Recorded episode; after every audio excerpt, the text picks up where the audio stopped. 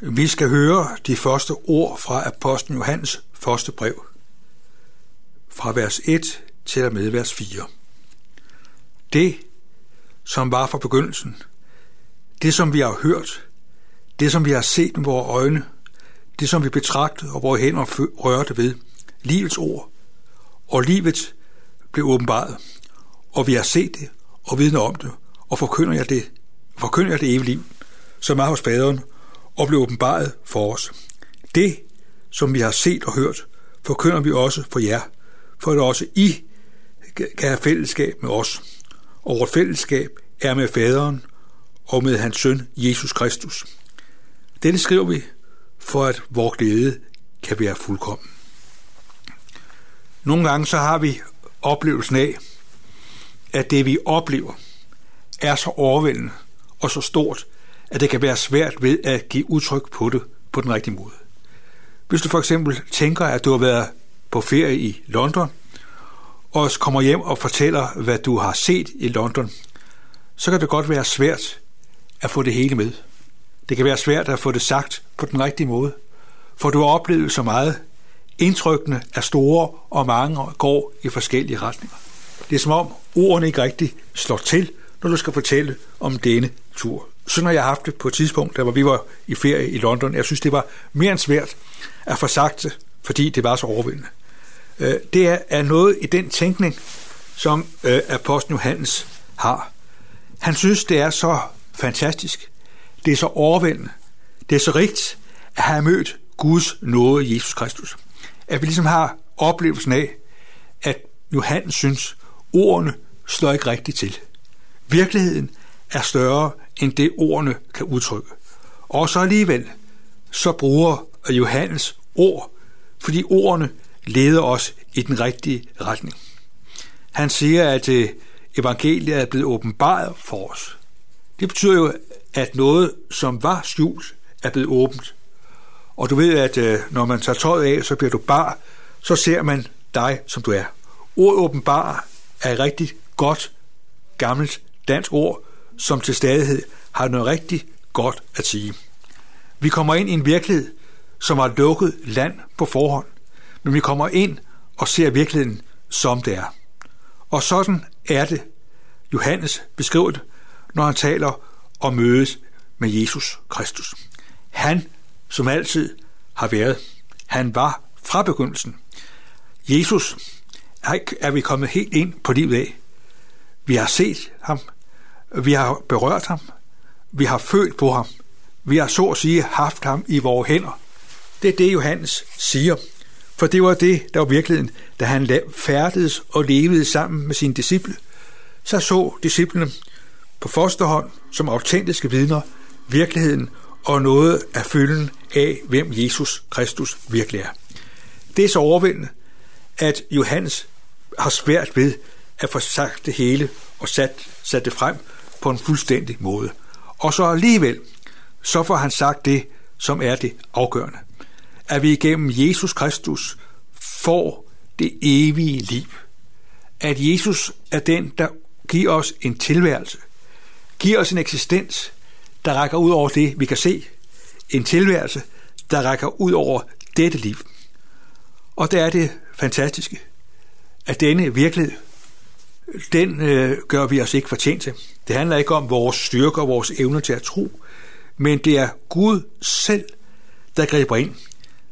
Han siger, at øh, det er åbenbaret, vi har set det og hørt det, og, og Johannes siger, at vi forkynder det, for at også vi skal have fællesskab med faderen og med sønnen. Det er jo det forunderlige og fantastiske, at det Gud siger, skaber, hvad det nævner. At når Jesus taler om liv, så bliver der liv. Jesus er den, der fører os fra dødens liv ind i det evige liv. Han er den, der griber ind i vores liv. Og så siger øh, Johannes så fantastisk, at vi har fællesskab med faderen og med hans søn Jesus Kristus. Vi er forenet med den levende Gud ved ånd. Det er virkeligheden. Og Johannes griber jo ikke fat i, hvad vi har gjort, og hvordan vi oplever, og hvordan vi føler det. Vi lever jo i en kultur, der er meget præget af, at det vi mener er sandt, det har noget at gøre med, hvordan vi føler det, hvordan vi oplever det, hvordan øh, øh, vi lige har det. Vi taler om, hvad ens mavefornemmelse er som et sandhedskriterium. Men for Johannes er det afgørende, at vi har fællesskab med faderen og med Jesus Kristus. Det er så at sige, eller ikke så at sige, det er en objektiv virkelighed. Det er en realitet, som er sandheden, vi får lov til at leve i. Det er det fantastiske, at vi er kommet ind på livet med Gud, eller omvendt. Gud er kommet ind i vores liv.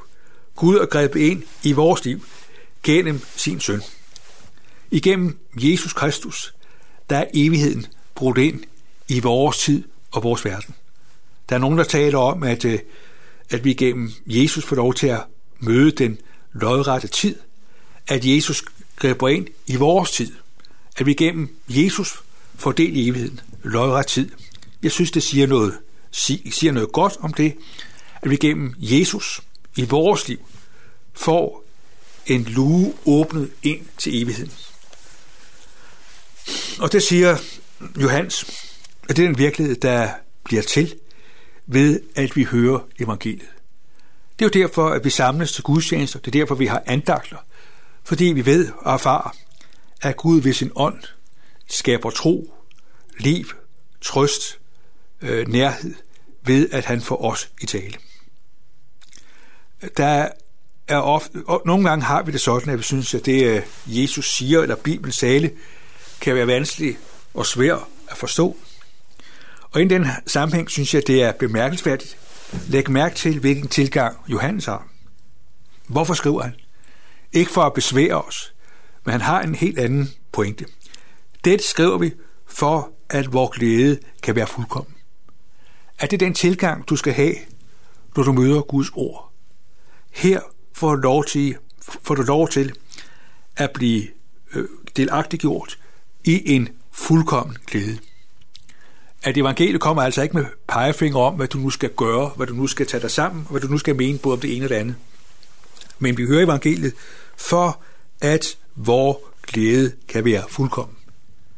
Tænk, hvilken privilegium, at vi ved at høre evangeliet, kan fordele i en evig og ufattelig glæde.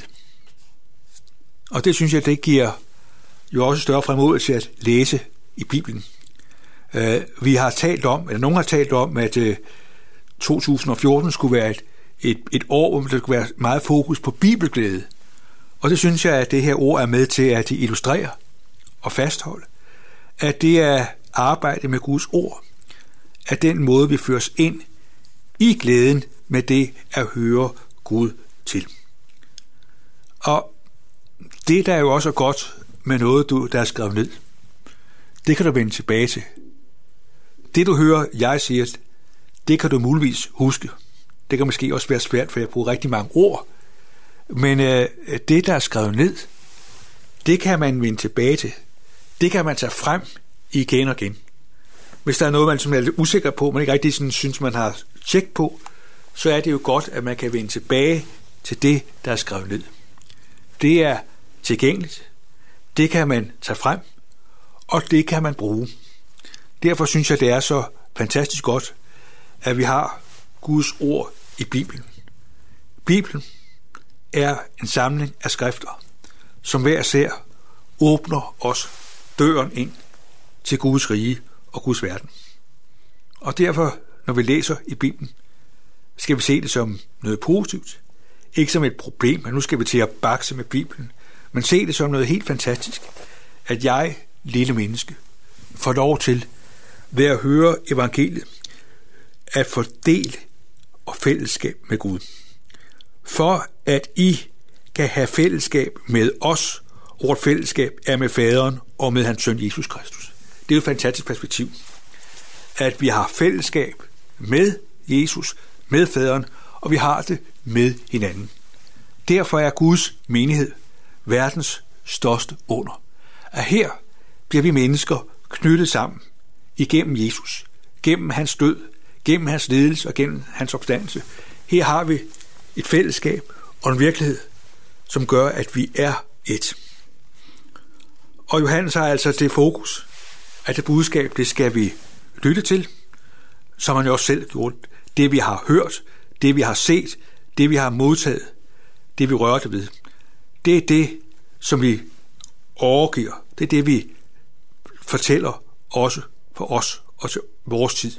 For i den, for i den virkelighed, der bliver talen om fællesskab med Gud og Jesus ikke bare en vision, ikke bare et håb, men det bliver en reel virkelighed, vi får lov til at leve i og blive i under alle forhold. Men her er vi ved en virkelighed, som er langt større end det, vi kan udtrykke. Og derfor kan vi sige, at når vi hører disse ord, så er det som om, at ordene ikke rigtig står til. Virkeligheden er større end det ord kan sige. Og så alligevel, igennem Guds tale, der får vi et liv og fællesskab med en levende Gud. I faderens og søndens og heligåndens navn.